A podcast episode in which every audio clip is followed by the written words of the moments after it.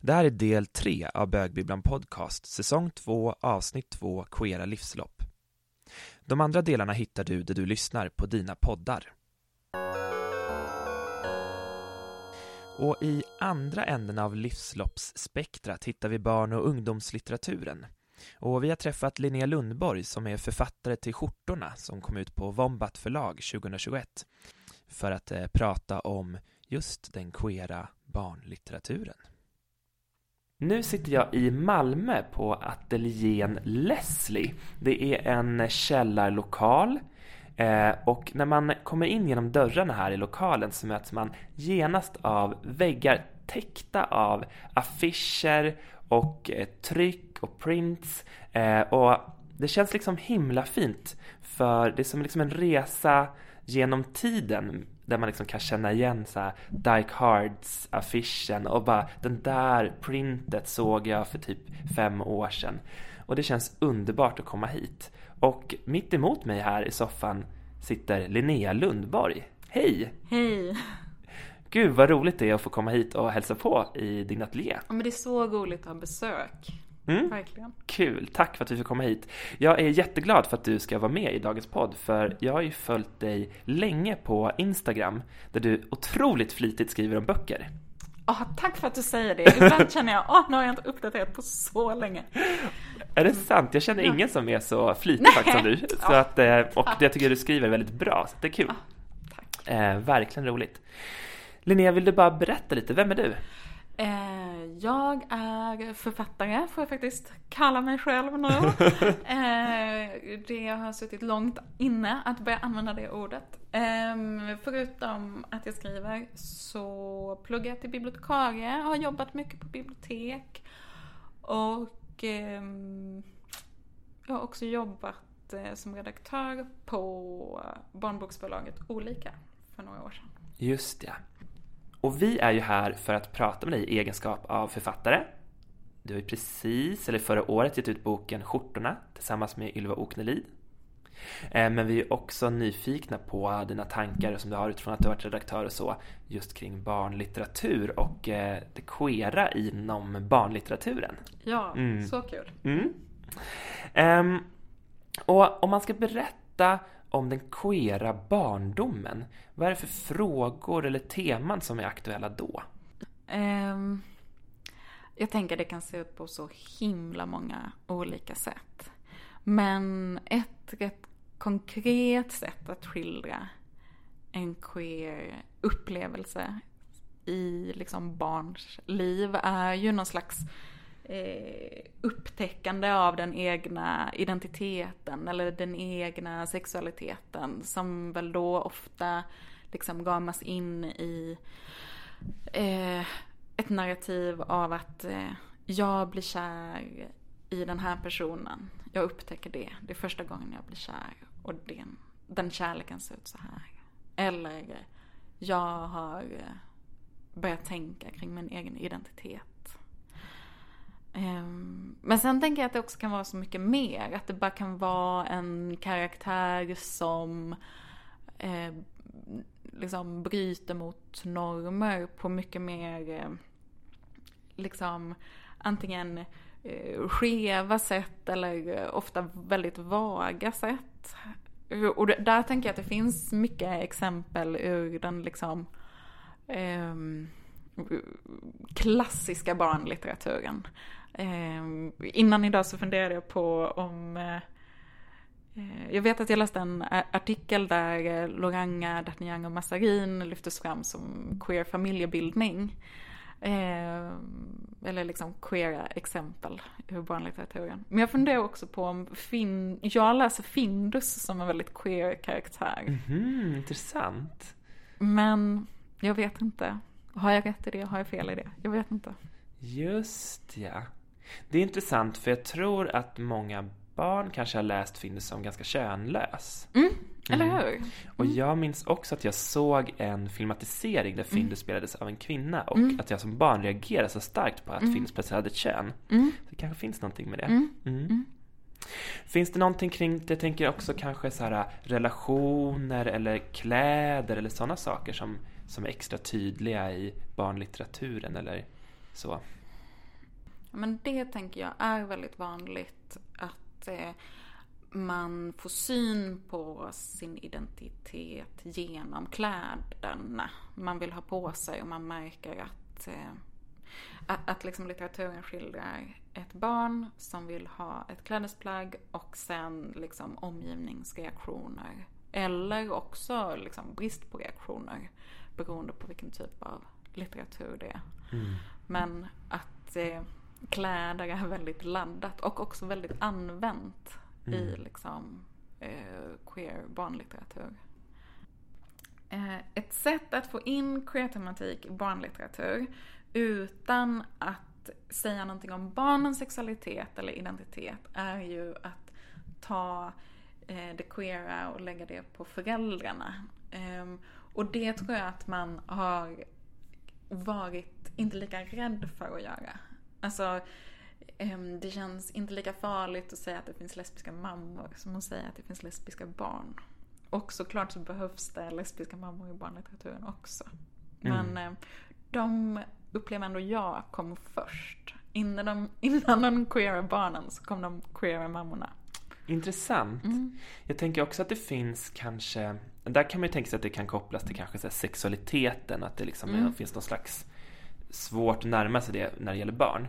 Men annars kring könsidentitet så tänker jag att det har funnits nära nedslag, jag tänker som så här Ulf Stark, då Ja. fick jag dönickar, som känns som en väldigt tidig Ja. sån queer berättelse. eh, Som man kan problematisera säkert på massa sätt. Men där Ja, kanske ja. handlar om könsidentitet. Då är det kanske lättare plötsligt att än, än när det kommer till sexuell läggning Mm. till exempel. Precis. Det tror jag verkligen, för där tror jag att det ändå finns en idé om att det är något som startar tidigare. Mm. Eller liksom man upptäcker tidigare. Mm. Ja. Och att det finns många älskade barnboks och ungdomsbokskaraktärer liksom som, som bryter av mot könsroller. Ja. Ronja Rövardotter typ Ja. och Birk som Mm, bara... mm. Det, ja. Så att det kanske finns en längre tradition där. Mm. Ja, det är sant. Det är spännande. Jag tycker det är väldigt intressant det du berättar liksom att det finns vissa sätt man kan föra in queerhet i barnlitteratur på. Till exempel via föräldrarna eller så. Finns det liksom Finns det ett särskilt sätt att berätta queert på? Ja, det tror jag många skulle säga. Och, och det har ju folk som har mycket, mycket mer högskolepoäng i litteraturvetenskap än jag forskat på. Ja. Och eh, det görs ju så mycket spännande exempel på det. Mm. Eh, eller liksom sätt att eh, utmana, liksom, hur, hur kan man skriva queert? Vad är eh, queer poesi? Vad är? Men om man skulle säga, om man skulle titta på bildböcker eller på eh, böcker till eh, rätt små barn så skulle jag säga att det också finns ett queert berättande. Men att man att det finns olika typer av queert berättande. Och eh, vi pratade lite innan om att det finns en typ av böcker som jag skulle kanske kunna kalla typ välvilliga böcker. Men som är skrivna ofta mer eller mindre ur ett eh, utifrån perspektiv. Där en, jag tror att de som har gjort dem ofta är personer som känner att de brinner för någonting och eh, vill eh, eh, vill adressera en orättvisa och då vill göra det genom barnböcker. Alltså, typ, den vanliga frågan är väl så. Varför finns det inga hmm i barnböcker? Jag ska skriva en bok om hmm. Just det, att boken blir ett slags nästan politiskt projekt Ja. eller något förändringsmedel Ja, liksom. ja. Mm. Ehm, Som kan slå rätt eller Ja, väldigt fel. precis. Mm. Beroende på hur liksom, eh, god kännedom eller kunskap författaren har. Ja. För där tänker jag att det också ibland kan bli... ehm, alltså dels kan liksom berättelsen eller storyn lida av det. Mm. Att man inte har en berättelse utan att det är liksom en eh, åsikt som ska fram. Just det. Upp. Men också att man ibland kanske inte vet tillräckligt mycket om den grupp man ska skildra. Mm. Till exempel typ queer, queer ungdom eller Ja. Men det kan också handla om, tänker jag, hur man skildrar personer som är rasifierade till exempel. Mm. Jätteintressant att du tar upp det. Tänker det här kan man ju liksom tänka att det finns en särskild, eh, alltså att liksom barnlitteraturen åläggs också ett särskilt liksom mm. ansvar eller en uppgift liksom. Ja. Eh, och att den, det kan ibland slå lite fel. Ja. Mm. Absolut. Du har ju, det finns ju också liksom en annan aspekt av barn och ungdomslitteratur som, som skiljer den från, eh, tänker jag, litteratur enbart riktad till vuxna. Eh, och det är liksom bild, mm. visuella mm. bildelementen så. Mm. Om man inte ser till serier finns ju för vuxna också. Men, mm. eh, och där har ju du samarbetat med illustratörer och mm. kan du inte berätta om hur ett sånt samarbete kan se ut? Ja men jag tycker det ger så himla mycket till, eh, eller framförallt vill jag bara förorda samarbete. För det gör verkligen för min del att jag står ut i en skapande process så himla mycket bättre. För eh, man kan liksom inte eh, klaga lika mycket på sig själv eller klanka ner lika mycket på sig själv när man också sitter med någon annan som man då också klagar på. Utan det blir liksom mer hybris och mindre självhat mm. när man samarbetar. Hur har du, eh, jag tänker i din process, i de böcker du har arbetat med, mm. både som, kanske både som författare och, och redaktör. Mm. Hur, har, hur har ni arbetat med det queera då liksom? Mm. Eh, när jag och Ylva gjorde skjortorna så eh, fanns det, först skrev jag, det fanns en idé och jag skrev ett textmanus. Och sen liksom tog Ylva fram karaktärer till det manuset. Och det som hände när Ylva satte bilder till var ju att queera dimensioner som jag inte kunde skriva fram i texten plötsligt uppstod i bilden.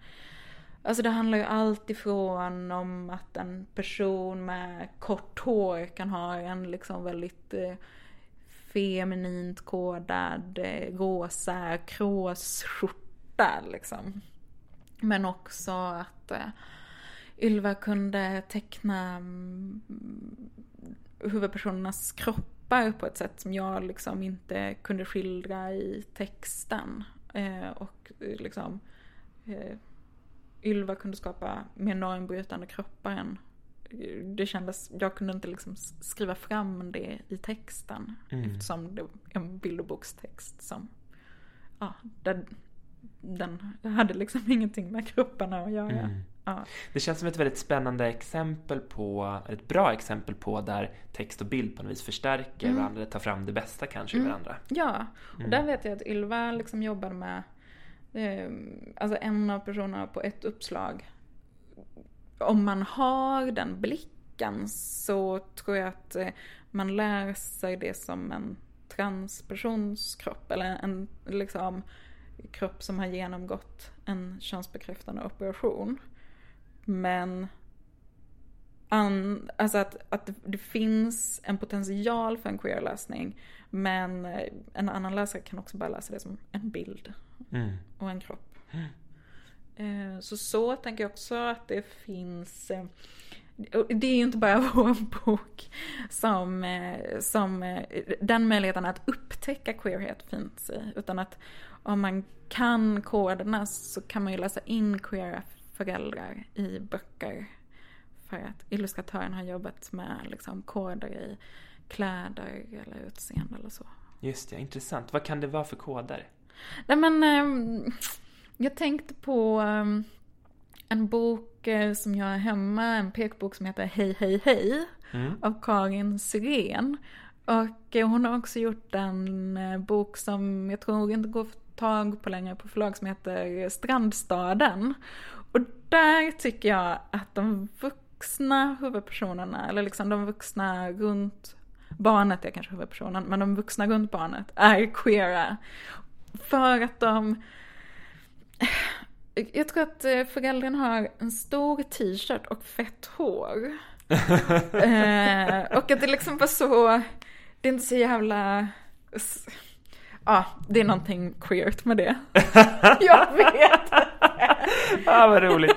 Men det där sätter ju verkligen fingret på att queerhet inte alltid kan fångas i ord. Nej, alltså att man kan Ja. se att det finns där, det kanske finns en igenkänning, Mm. men jag kan inte riktigt beskriva det med ord. Och då kanske det också påverkar villkoren för författarskapet. Ja. Liksom att det här, det här behöver vi ta fram i bilden, det kommer inte komma fram i texten. Ja. Jag läste en artikel av eh, Mia Österlund i en, det är en bok som heter Queera läsningar. Och hon har skrivit en artikel som heter Queer feministisk bilderboksanalys.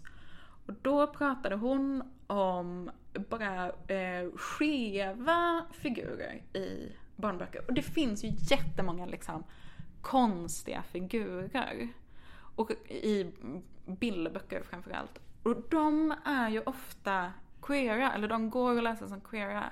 Och då, hon hade ett exempel med Lisan Arnbåges Kurt och Kio. Och den tror jag inte jag har läst själv, men hon lyfte fram att de hade korvmössor. Mm. Och att det eh, kanske är höjden av queerhet. Nej men alltså de här bara udda...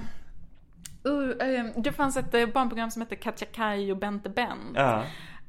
De här frågorna så här, vem, vilka är Katja Kaj och Bente Bent? Vad har de för kön? De bor uppenbarligen med varandra. Vad har de för relation till varandra? Hur ser deras eh, familj ut? Vi vet inte. Men det finns queer potential i berättelsen. typ. Mm. Just det, det är den queera potentialen Ja. som gör så man kan plocka upp eller inte plocka upp som Precis. skulle kunna bli det. Mm. Ja. Alltså väldigt intressant. Ja. Jag tänker på en sak som jag är nyfiken på också är liksom vad för man hör ju här att det finns många berättelser som kan tolkas queera och att det liksom verkar finnas en ganska lång tradition inom barnlitteratur att det kan finnas den här potentialen. Mm, Eh, hur, hur upplever du att villkoren ser ut för, för queer bokutgivning för barn? Är det ett stor efterfrågan från förlag eller är det svårt eller hur, hur ser det ut?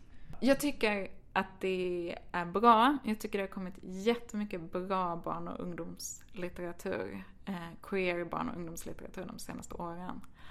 Um, och jag upplever verkligen att förlagen är med på tåget. Eller det måste de ju vara eftersom det har kommit så mycket bra. Det är ju de som har gett ut det.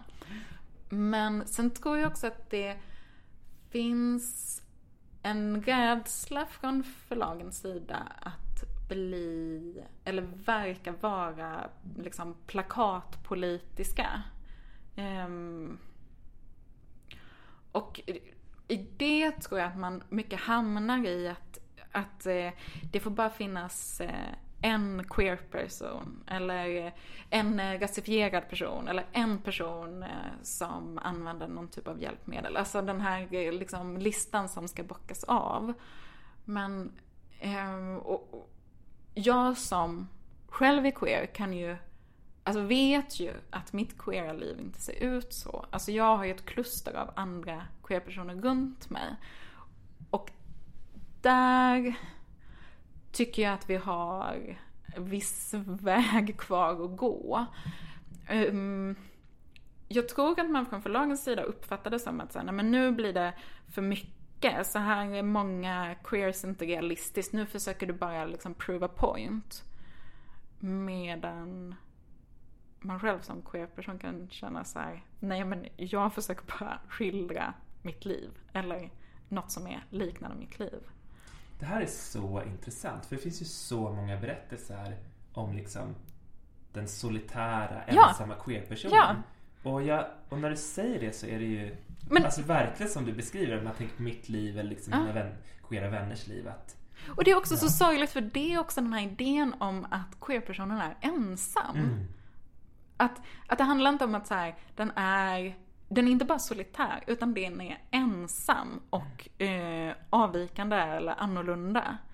Men ofta tänker jag, oavsett hur man är annorlunda, alltså, även om man är annorlunda på det sättet att man typ så lyssnar på, eh, jag vet inte, hårdrock på Mm. högstadiet, så hittar man ju andra som är annorlunda och så är man annorlunda tillsammans. mm. Ehm, så jag vet inte varför, varför man är så besatt av att skildra den här olikheten mellan karaktärer. Mm, ja, men trots eh, detta liksom med förlagens bristande förståelse för den queera kollektivet så, eh, så det är roligt att det ges ut så mycket, mycket litteratur då med queera karaktärer i. Har du några tips på vad du tycker hör hemma hos i den queera barnbokshyllan? Mm, alltså spontant så vill jag verkligen tipsa om eh, Vita lögner, röda hjärtan av Nora Dåsnes, tror jag hon heter. Hon är norsk. Som är en eh, bok för 9 12-åringar om eh, liksom kärlek men också att gå från barn till någon slags ungdom, att befinna sig eh, i det där liksom mellanläget mellan barn och ungdom.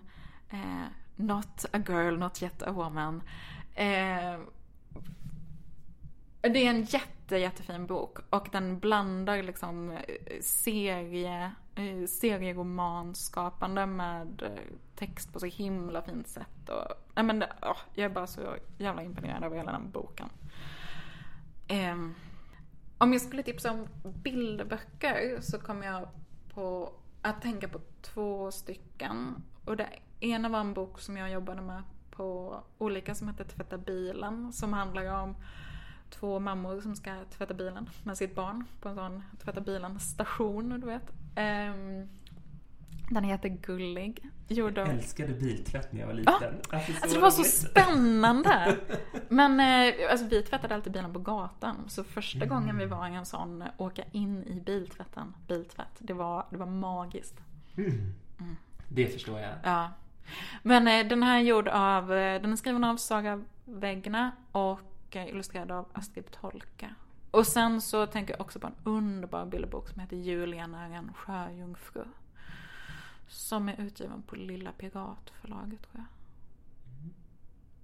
Roligt, tack för de bra tipsen. Och Tack. Vi kommer såklart lägga med dem på Instagram och eh, på vår hemsida. Superduperbra. Det här avsnittet handlar inte bara om barndom eller liksom om fasta stadier i livet utan också mm. om själva åldrandet. Eh, det pågående livet liksom så. Och, och när skulle du säga liksom att den queera barndomen är? Och när tar den slut och blir någonting annat? Men den kanske börjar i något stadie av att man som barn börjar reflektera över sin egen identitet. Oavsett om det handlar om vem man blir kär i eller ja, hur man ser på sitt eget kön. Eller, ja. Men någon slags reflekterande om identitet. Och sen när den tar slut är svårt att säga. Jag tänker att den också tar slut när ungdomsböckerna övergår i vuxen litteraturen. Men eh, jag tänkte på en bok som jag läste som heter The Queer Child av Catherine Bond Stockton. Och jag har inte läst hela och jag är verkligen inte insatt i den. Den är rätt svårtillgänglig men jag vill ändå tro att jag har förstått lite av det som står i den. Och hon menar bland annat att man som ett queert barn bara kan förstå sin egen liksom queerhet eller sin egen till exempel då homosexualitet i backspegeln liksom. Man kan bara förstå det bakåt. Att när man när man liksom, hon, skriver, eh, jag har ett citat här så jag läser helt enkelt det. When the tombstone is raised for the straight life, the child has expired. Alltså när man inser att man är queer och liksom begraver sitt eh, straighta liv, då är man inte barn längre. När man inser att man var ett queert barn, är man inte barn längre. Wow. Ja. Det är en hisnande tanke. Ja, jag som... vet. Den är lite svår och så. Uff, riktigt mm. liksom bena ner. Men det är så... Uff, det svindlar. Verkligen svindlande. Och det som är intressant med den är ju också att det betyder att den queera barndomen är en, en, en erfarenhet som inte är verbaliserad, som inte mm. man har satt ord på och nästan kanske i en tystnad. Ja. Och där blir det intressant när, för barn och ungdomslitteraturen, när den kommer in att, att på något vis sätta ord på en erfarenhet som man ännu inte har kunnat verbalisera. själv, precis. Ja. Ja. Ja, verkligen. Och det är ju ett stort uppdrag. Ja, ja. Gud ja. Men vi pratade lite om koder eh, i barn och ungdomslitteraturen, queera koden, hur man kan liksom läsa in queerhet utan att man säger att något är queer till exempel. Mm. Och då kommer jag att tänka på faktiskt att när jag kom in här i ateljén eh, och såg vad ni har på väggarna framförallt, att eh, det kändes genast som att det här är ett rum, ett tryggt rum för en queer person. Ja. Det gick så på en gång. Och lite roligt så här, för vissa saker är som så här, eh, liksom upp, uttalat queera men andra är mer så här symboler som känns queera. Vi pratade lite om det i vårt förra avsnitt, liksom att det är, så här, det rosa eller det fluffiga och, och eh, men även sådana saker som att jag dricker te nu ur en eh, My Little Pony Ja, och du har en mm. Spice Girls mugg och vi har en Titanic-affisch här på väggen och ändå så läser jag det här som ett queer Ja, liksom. och den ifrågasatte ju du. Men eh, då vill jag säga att den hänger bara uppe för att jag läste en jätteintressant artikel om att eh, Jack, liksom, Jack i egenskap av transman eller kanske liksom butchflata och hur man kan liksom läsa hela Titanic ur med den blicken. Ja. Men ja, det är ett underbart eh, litet eh, vattenhål i Malmö, den här ateljén. Och eh, Tror du att det liksom är viktigt för eh, skapandet? ja, men jag tror att det är jätteviktigt att man känner sig fri att prata om sitt skapande där man arbetar. Att man inte känner sig begränsad av att eh, av oro kring vad ens liksom, ateljévänner ska säga om eh, ens eh, queera barnbok eller queera skämtteckning eller vad som helst. Eh, utan istället så, vi som sitter här, eh, som identifierar oss på massa olika sätt, kan det ju ändå vara så. Eh, bara peppa och hylla det vi gör. Men också för att vi fattar kanske lite bättre vad man försöker skapa och göra. Och den tryggheten är viktig för den kreativa Ja, processen. gud. Annars tror jag att man eh, har svårt att göra något bra. Mm. Och vad finns på arbetsbordet just nu? Vad är det du arbetar med just nu? Ja, eh, dels så håller jag på att jobba med en eh, bok för eh, en, en mellanåldersbok, en kapitelbok tillsammans med Ylva och Nalid som jag gjorde skjortorna med. Eh, som heter Anno och Issa och kommer i höst på Alfabeta. Mm. Eh, och det är, vi ska få eh, manuset liksom satt i form nästa vecka. så Oj, det ser jag spännande. otroligt mycket fram emot. Men också jättenervöst. Mm. Eh, och sen så jobbar jag också med ett intervjubaserat eh, självbiografiskt projekt om eh, min pappa som dog innan jag föddes. Mm. Som, eh, det är ett stort projekt och det håller jag på med. Eh, hållit på med ett tag och håller på med fortfarande. Mm. Och sen lite annat runt Mm. småsaker. Spännande. Mm. Det låter som många intressanta projekt. Och vi kan då redan i höst se fram emot Anna och Issa. Ja, Mm. precis. Kul. Eh, och om man är nyfiken på att veta mer om dig eller följa det du gör, Ja. var hittar man dig då? Lättast hittar man mig på Bokfylla på Instagram. Och det är ju där jag har följt dig. Ja, Toppen boktips får man här. tack. Tack så himla himla mycket Linnea för att du ville vara med i Bögbibblan podcast. Vi är så glada för det och eh, det har varit superintressant att få höra om dina tankar kring den queera barnlitteraturen och vad den betyder och vilken roll den har. Tack! Tack. Vi har ju en exploderande flora av barnlitteratur som ges ut just nu i Sverige, bland annat på olika förlag och Vombat förlag till exempel. Och en favorit som jag har är Månen, varelsen och jag av Ylva Karlsson. Visst är det ett fint namn på en bok? Jättefint. Ja, det är också ett jätte, jättefint bokomslag. Eh, och det handlar om Monne som har en YouTube-kanal där hen berättar om ja, men sitt liv skulle man kunna säga. Och alltså, YouTube-kanal. Jag tvekade liksom på en gång och tyckte att det här kändes jättetöntigt. Men det finns liksom någon slags eh, liksom poetiskt vackert över boken.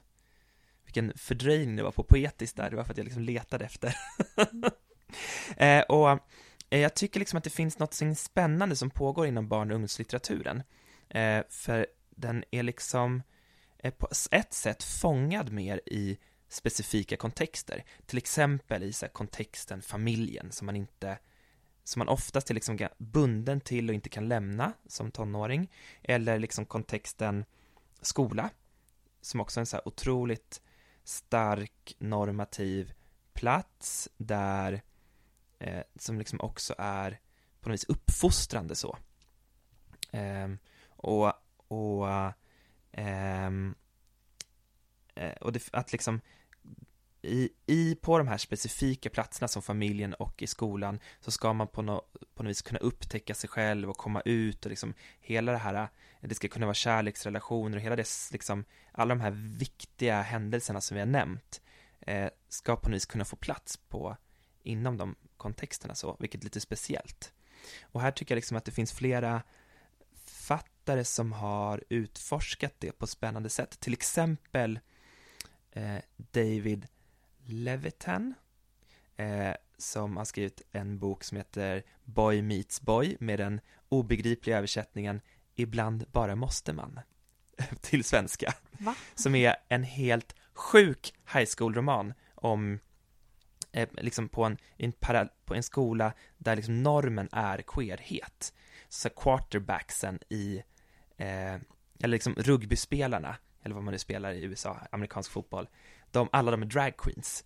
Så den coolaste quarterbacken heter Infinite Darlene och det är liksom bara stört, mm. coolt. Eh, eller Kristoffer Folkhammars Magisterlekarna som också är ett skolmiljö, kanske för lite äldre personer. Eh, men också så tänker jag på eh, det liksom det här, lite, samtidigt som det är liksom väldigt specifika kontexter som finns inom ungdomslitteraturen så har man också det mycket mer experimentella, som till exempel eh, eh de queera fantasy-romanerna, tänker jag. Just det. Eh, och där, det känns ju jätte, jättespännande att det här är en genre där man verkligen utforskar liksom, sexualitet och identiteter. Mm. Det är faktiskt de senaste ungdomsböckerna jag läst i den här cirkeln-serien. Ja, ja, av... Eh... eh Mats Strandberg och Sara Bergmark Elfgren. Just ja, just ja. Jag har faktiskt inte läst dem, men jag borde göra det eftersom de är otroligt populära, så jag vet vad de handlar om. Mm. Visst har de blivit film också? Ja. Mm. Mm. Inte sett. Eh, men nu kanske jag eh, kapar ditt spår här, men apropå ungdomsromaner, har du läst Maria Gripes Skuggserien? Nej. Det var en så här jätte, kanske en av de mest drabbande läsupplevelserna jag hade i ungdomen, så jag läste kanske på mellanstadiet. Eh, utspelar sig i början av 1900-talet, men är skrivna på 80-talet. Mm. Och den handlar om eh, många saker, men en sak som händer där är att det är en, eh, en av huvudkaraktärerna som heter Caroline ikläder sig en mansroll. Så hon eh, mm. agerar som Karl mm. och eh, liksom rör till i olika relationer. Så det är till exempel en, um, de åker till ett slott och bor där för att underhålla eh, två eh, liksom förtappade, riktigt excentriska tvillingar. Eh, och en av de här, eh, Arild, blir då förälskad i Caroline fast som då agerar som Karl och blir mm. jätteförtvivlad och förvirrad över att han är homosexuell. Fast sen är ju Caroline då i själva verket då eh, tjej och ja, alla de här liksom förväxlingarna och eh, på något sätt den här dubbelheten i att så här, Eh, eller vara ett kön men liksom agera som ett annat. Det var verkligen min första liksom, kontakt med alltså, kön som performativitet. Även om jag absolut inte hade ord för det när jag var tio. Eh, ja, jag bara kom att tänka på det. Eh, så att det finns ju också eh, såna här, den här typen av liksom, en, man kan ju verkligen göra en queer läsning av det här men det är inte alls beskrivet som en queer ungdomsroman. Och det är inte alls så man så kanske förstår den alls som barn. Mm. Så att, och jag tänker att det som är skillnaden då nu är att man i mycket högre utsträckning pratar om queerhet i romaner och kanske beskriver eh, liksom barnböcker eh, också som just queera. Just ja. Och det är intressant, man kan ju faktiskt tänka sig att de är lite som föregångare inom ungdomslitteraturen. Mm. Mm. Det här får mig också tänka på eh, dårfinkar och dönickar som jag tänkt på många gånger. Jag har inte sett den filmen eller läst boken sedan jag var ganska liten. Men undrar om det är en bra skildring av någon slags transidentitet eller inte. Har du läst den nyligen? Jag har läst det men jag minns inte ett ord. Okej. Eh, någon av er lyssnare får gärna ta reda på det till oss och upplysa oss. Leslie Feinberg föddes 1949 i Missouri, USA i en judisk arbetarfamilj som senare flyttade till Buffalo. Hon identifierade sig själv som vit antirasist, arbetarklass, sekulär jude, transgender, lesbisk, kvinna och revolutionär kommunist. Feinbergs arbete har influerat både populärkultur, akademisk forskning och politisk organisering. Hennes skönlitterära bok Stonebridge Blues ses som ett av de viktigaste verken när det kommer till böcker om och av transpersoner. Stonebutch Blues är en livsloppsskildring där läsaren får följa huvudpersonen Jess från tidig barndom långt in i vuxenlivet i 1990-talets New York genom strejk, hjärtesorg, våld, fattigdom, död, kärlek och år av ensamhet. Feinbergs livslopp var inte helt olikt Jess, även om Stonebutch inte är en självbiografisk bok. Feinberg försörjde sig själv från 14 års ålder då hon flyttade ifrån sin biofamilj då de inte accepterade hennes sexualitet och könsidentitet. Hon träffade andra queers i barerna i Buffalo och hittade sin identitet som Butch. Diskriminering gjorde det omöjligt för henne att ha ett stadigt arbete. Hon försörjde sig genom lågavlönade och tillfälliga jobb i fabriker, inom bokbinderi, städning eller som diskare. Feinberg flyttade till New York och organiserade sig politiskt. Hon arrangerade bland annat demonstrationer och aktioner mot rasism och krig, för arbetares rättigheter och arrangerade självförsvarskurser för personer som drev barer och klubbar som riktade sig till hbtq-personer. På 1970-talet började Feinberg skriva för Workers World, det amerikanska kommunistiska partiets officiella tidskrift. Hon blev senare också redaktör för tidningen. Under 2000-talet skrev hon 120 texter som länkade samman hbtq-personers kamp med den socialistiska kampen. Några av dessa samlades sedan i antologin Rainbow Solidarity in Defense of Cuba. Feinberg skrev ytterligare två fackböcker, Transgender Warriors Making History och Transliberation Beyond Pink or Blue och en andra roman som heter Drag King Dreams. Feinberg var multisjuk, bland annat i borrelia, vilket hon blev sjuk i redan på 1970-talet. Men på grund av de fördomar hon möttes av inom vården som transperson och brist på vetenskapliga underlag när det kom till behandlingen av borrelia så fick hon vård först på 2000-talet. Från 1992 levde hon tillsammans med Min Bruce Pratt, aktivist och poet. Hon dog 2014, 65 år gammal. Hennes sista ord var Kom ihåg mig som en revolutionär kommunist. Tack Milla för den fina presentationen av Leslie Feinberg och hennes eh, liv. Mm, tack. Mm. Du har ju också begeistrat läst och skrivit om Stone Butch Blues. Ja, precis. Så det blir mitt första boktips. För nu är det ju dags för det. Det finns också en text om boken på vår hemsida för den som är nyfiken på att höra lite mer om, om den. Just det, du tyckte i alla fall väldigt mycket om den läsningen förstår jag. Mm, Mm. verkligen rekommenderar Mm. exakt alla att läsa den. Exakt alla på jorden, jättebra. Eh, en annan bok som berör ett helt liv är ju Ett litet liv, som eh, av Hanya Yanagihara, som både du och jag också tycker om. Framförallt du. Framförallt jag. Mm. Mm. Det är en evighetslång bok eh, som eh, lite av en vattendelare. Eh, den, ehm, antingen älskar man den eller så är man i alla fall lite, eh, lite avvaktande inställd till den. Jag tycker att om den skulle haft en redaktör. Ja, och det som, är mång- som kan kritiseras lite är kanske att den vältrar sig lite i eh, liksom trauma och, och sorg och sådana saker kanske.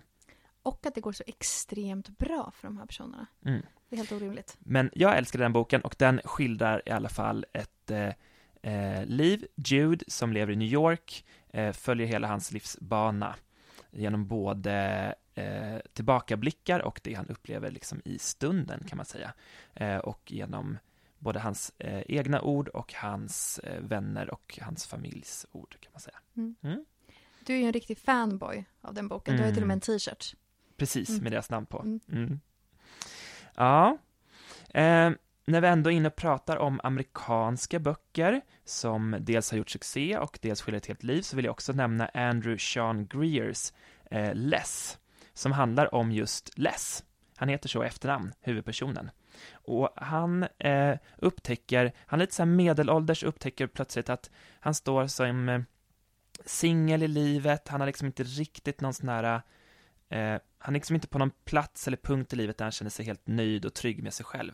Så att han beger sig ut på en resa runt världen. Om det är så att han är på sju eller åtta olika platser och på olika sätt eh, kan man säga bearbetar eh, olika delar av sitt liv eller sånt som har hänt i hans liv så. Eh, och eh, kanske finner någon slags mening i den resan. Eh, jag vill också tipsa om en bok eh, som ni fick höra ett utdrag ur uh, tidigare. Linn Bursells Allt som är, som handlar om ett möte mellan en uh, ung eh, tjej som heter Sara som jobbar som en typ av privat hemtjänstpersonal ehm, åt en sur gammal tant på Östermalm. Så utvecklar de en en nära eh, liksom typ av kärleksrelation. Eh, och eh, den var väldigt spännande för den skildrade liksom en, en lite ovanlig eh, typ av kärleksrelation som är så generationsöverskridande. Det finns också ja, den här dimensionen av om, omsorg och omvårdnad. Så det var eh, väldigt spännande. Också så ovanligt tycker jag att läsa om en riktigt gammal queer person. Mm. Mm. Eh, och apropå berättelser som innehåller queera personer i flera generationer så kan jag då tipsa om, om Allt vore annorlunda av Sanna McDonald. Också som vi fick höra ett utdrag från. Den utspelar sig bland annat i Stockholm och eh, på Öland. Eh, och eh, här så får vi eh, möta ett queert liv på 30-talet och i vår samtid och det är både eh, homo och bisexualitet. Och jag ska inte jag ska säga så mycket mer för då kommer jag riskera att spoila vad som händer, men eh, om man vill läsa någonting som ligger nära oss geografiskt och har flera generationer av queers så är den ett tips. Ja, men då vill jag flika in här med ett tips på en biografi om en förmodat då med goda grunder kan man anta eh, queer person. Fatima Bremmers Ett jävla solsken om journalisten Ester Blenda Nordström som var en eh, äventyrare och eh, vallraffande journalist som levde i Sverige i, och ung i början av 1900-talet. Otroligt eh, spännande, väldigt välskriven bok och eh, Ester Blenda levde ett eh, sjukt spännande liv. Eh, besökte och bodde liksom med samer uppe i norra Sverige, åkte till Kamtjatkahalvön i liksom Ryssland och eh, levde ett liksom hårt men väldigt äventyrligt liv. Och den boken är ju verkligen, eller hennes livsöde är ju verkligen spännande och det är väldigt eh, bra skildrat och fångat liksom i den boken.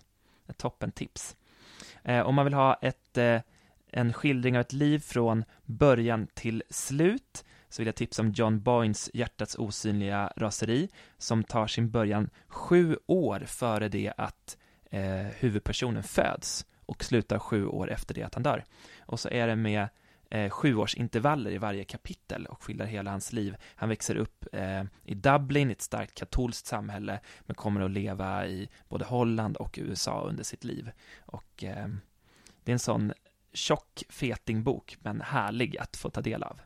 Och ytterligare en bok som berör queers i flera generationer, Casey Platts Little Fish, som handlar om eh, huvudpersonen är en transkvinna eh, som lever i Winnipeg i Kanada. Eh, och så är det framförallt hon och hennes eh, grupp av vänner som är transkvinnor och flera av dem är sexarbetare och deras liv där, de är alla liksom kring 30-strecket och upplever liksom att de är någon slags brott i livet. Men förutom det så upptäcker också Wendy, huvudpersonen, att eh, en av hennes äldre släktingar har, eh, eh, har burit på en hemlighet under en stor del av sitt liv som uppdagas under den här, eh, under romanens gång.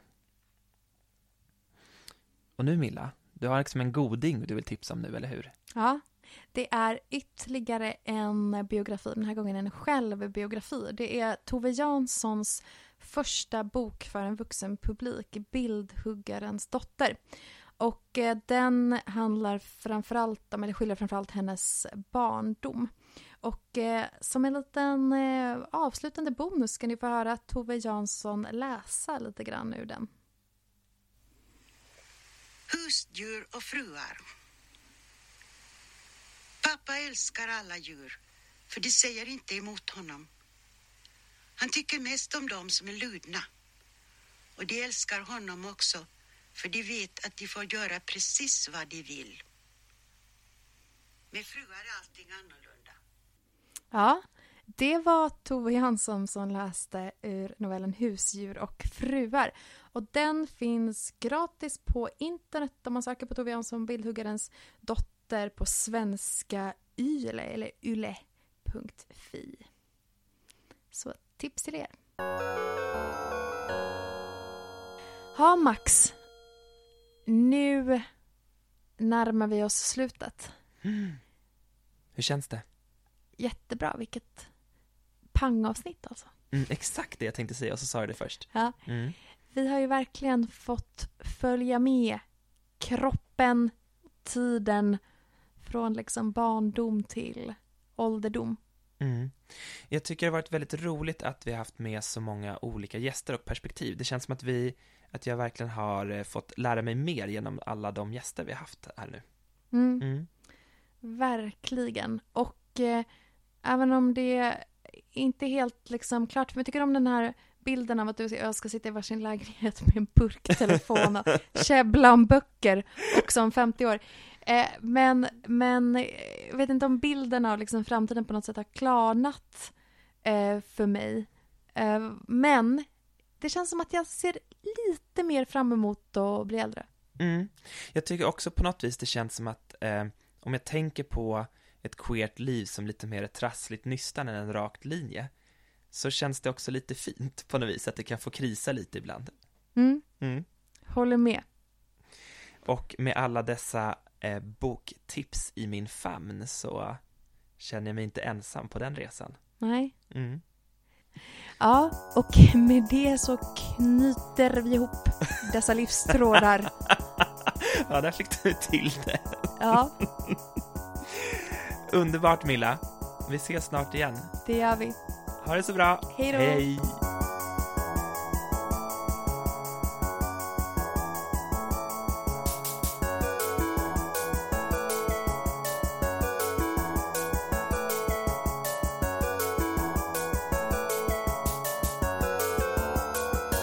Du har lyssnat på Bögbibblan Podcast, din skeva bokhylla. Medverkande i det här avsnittet var Becky Maligi, Anna Siverskog, Pia Laskar och Linnea Lundborg. Programledare och producenter var Milla Leskinen och Max Bjuggfeldt. För teknik och klippning, Linus Eriksson och Max. Anna Hed har gjort musiken.